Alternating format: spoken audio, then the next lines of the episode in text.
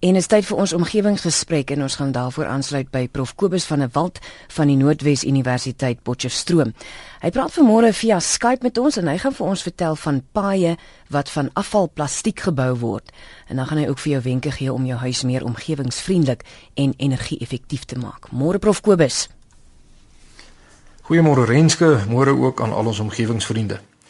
Nou vanoggend begin ek met 'n berig wat deur meneer PW de Jager van Centurion onder my aandag gebring is en dit handel oor 'n alternatiewe gebruik vir afvalplastiek. Nou uit Nederland lees ons dat Rotterdam besig is met planne om al hulle nuwe paaie van herwinde plastiek te bou. Nou omdat die meeste plastiek nie biodegradeerbaar is nie, het 'n Nederlandse maatskappy onlangs besluit om dan nou maar eerder te soek na alternatiewe gebruike vir die plastiek en een van die gebruike wat die meeste belofte toon, is om paaie daarvan te bou. Die voordele van plastiekpaaie is legio. As plastiekpaaie nou met tradisionele teerpaaie vergelyk word, dan wys die navorsing dat 'n plastiekoppervlak beter vaar as teer as dit nou baie warm of baie koud is en dat daar heelwat minder krake en slaggate in die plastiek ontwikkel. Wat die onderhoud van plastiekpaaie natuurlik heelwat goedkoper en heelwat makliker maak. En verder hou die plastiek 3 keer so lank soos teer voordat die padoppervlak vervang hoef te word. En dis natuurlik 'n baie groot voordeel. En nog 'n groot voordeel is is dat die padoppervlak in gedeeltes in 'n sentrale fabriek iewers gegiet kan word en dan na die voorbereide padoppervlak vervoer word en bloot neergelê kan word. En dit maak dat 'n pad bykans oornag herstel of vervang kan word. En dis natuurlik nie met die tradisionele teerbedekking moontlik om dit so vinnig te doen nie. Nou dit sal nog 'n hele tydjie neem voor ons nou herwinde plastiekpaaie oral in die wêreld sal sien want alhoewel Rotterdam nou al besig is om van die paaie te bou is dit nog slegs in 'n eksperimentele fase omdat die mense baie deeglike toetse moet doen om te bepaal hoe veilig die plastiekoppervlak is as dit nou nat word of as dit sou sneeu. Maar die berig sê dat ons nie eintlik verbaas moet wees dat dit nou juist die Nederlanders is wat met so 'n oulike idee na vore gekom het nie. Want hulle is 'n baie innoverende nasie. Omgewingsvriende sal dalk onthou dat ek 'n paar weke gelede vertel het van 'n nuwe fietspaadjie in Amsterdam wat van sonpanele gemaak is. En hierdie fietspaadjie se sukses tot dusver het alle verwagtinge oortref. Want 'n kort stukkie van die pad voorsien genoeg elektrisiteit vir twee woonhuise. En verder het ek op die omgewingspraatjies se Facebook bladsy 'n video greep geplaas van 'n Nederlander wat die sogenaamde loopfiets gebou het. Ons omgewingsvriende kan maar gaan kyk op die bladsy as hulle daaraan belangstel. En onlangs het die Nederlanders die eerste volk ter wêreld geword wat hulle eie regering suksesvol gedagvaar het omdat hulle nie genoeg doen om klimaatsverandering te bestry nie. Ek dink ons kan nogal baie leer by ons Nederlandse vriende.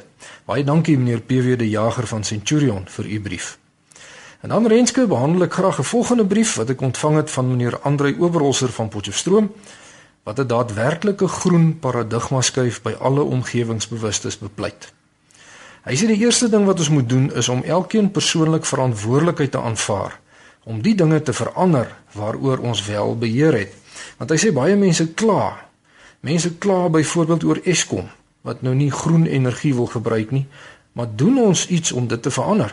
Ander mense kla weer oor die skade wat beurtkrag aan hulle yskaste, vrieskaste, TV's en ander huishoudelike apparate aanrig, maar hoeveel van ons doen regtig iets daaraan?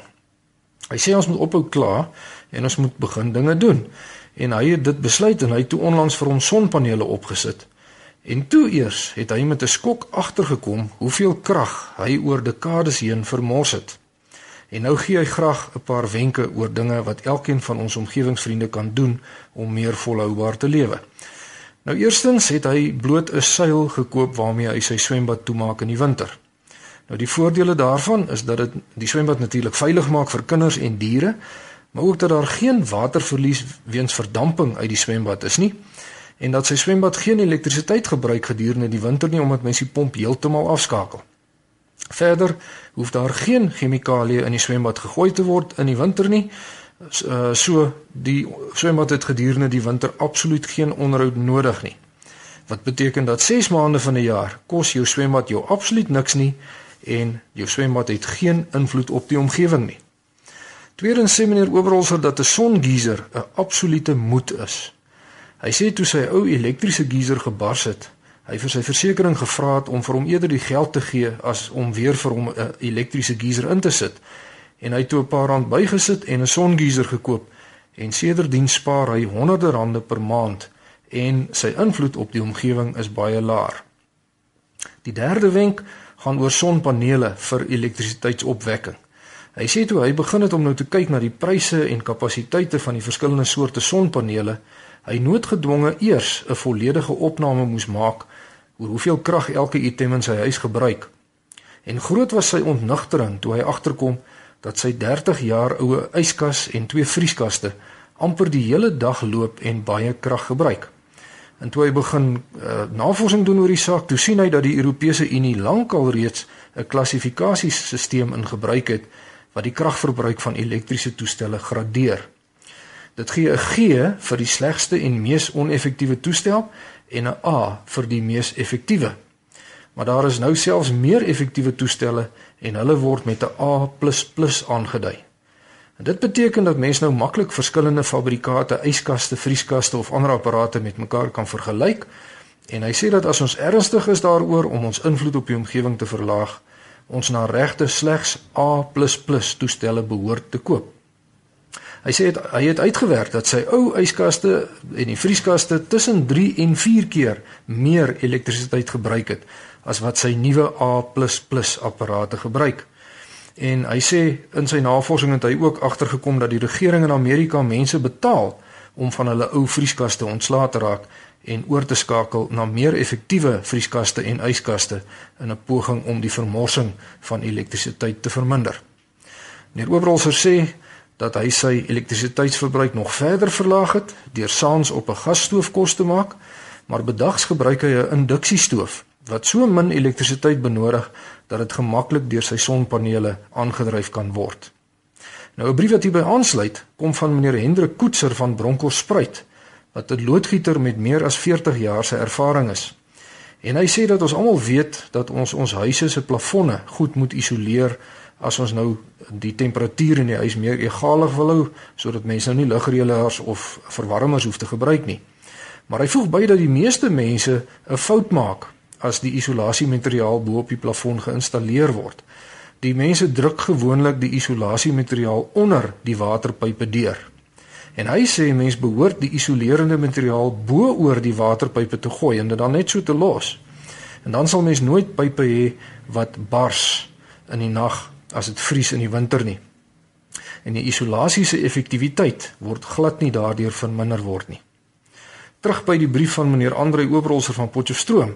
Hy is van mening dat die Suid-Afrikaanse bouregulasies eintlik gewysig behoort te word sodat dit verpligtend sal wees om alle nuwe huise met songeisers, sonpanele en gasstowe toe te rus uh om ons elektrisiteits die druk op ons elektrisiteitsnetwerk te verlaag. Baie dankie meneer Andre Oberholzer van Potchefstroom vir u waardevolle ervarings wat u met ons gedeel het. En ek stem met u saam dat die meeste mense maar redelik passief is en nie eintlik besef hoe baie hulle kan doen as hulle regtig groen begin dink en groen begin leef nie. 'n Groen omgewingskultuur begin by elke individu. En dan baie dankie ook aan meneer Hendrik Koetser van Bronkhorstspruit vir u waardevolle raad oor hoe om waterpype wat bars bo op plafonne te voorkom. daarmee is my tydjie vanoggend om. My e-posadres is kobus.vanderwalt@nwu.ac.za of u kan maar net gaan kyk op die Facebook bladsy van Omgewingspraatjies en al die inligting is daar. Vriendelike groete tot 'n volgende keer. Dankie Prof Kobus van der Walt van die Noordwes Universiteit Potchefstroom. Net weer sy e-posadres as jy met hom wil gesels. Kobus.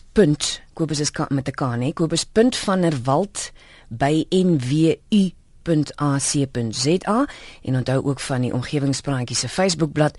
Jy gaan soek net vir Omgewingspraatjies, Omgewingspraatjies op Facebook. Hy sê jy neem na die blad.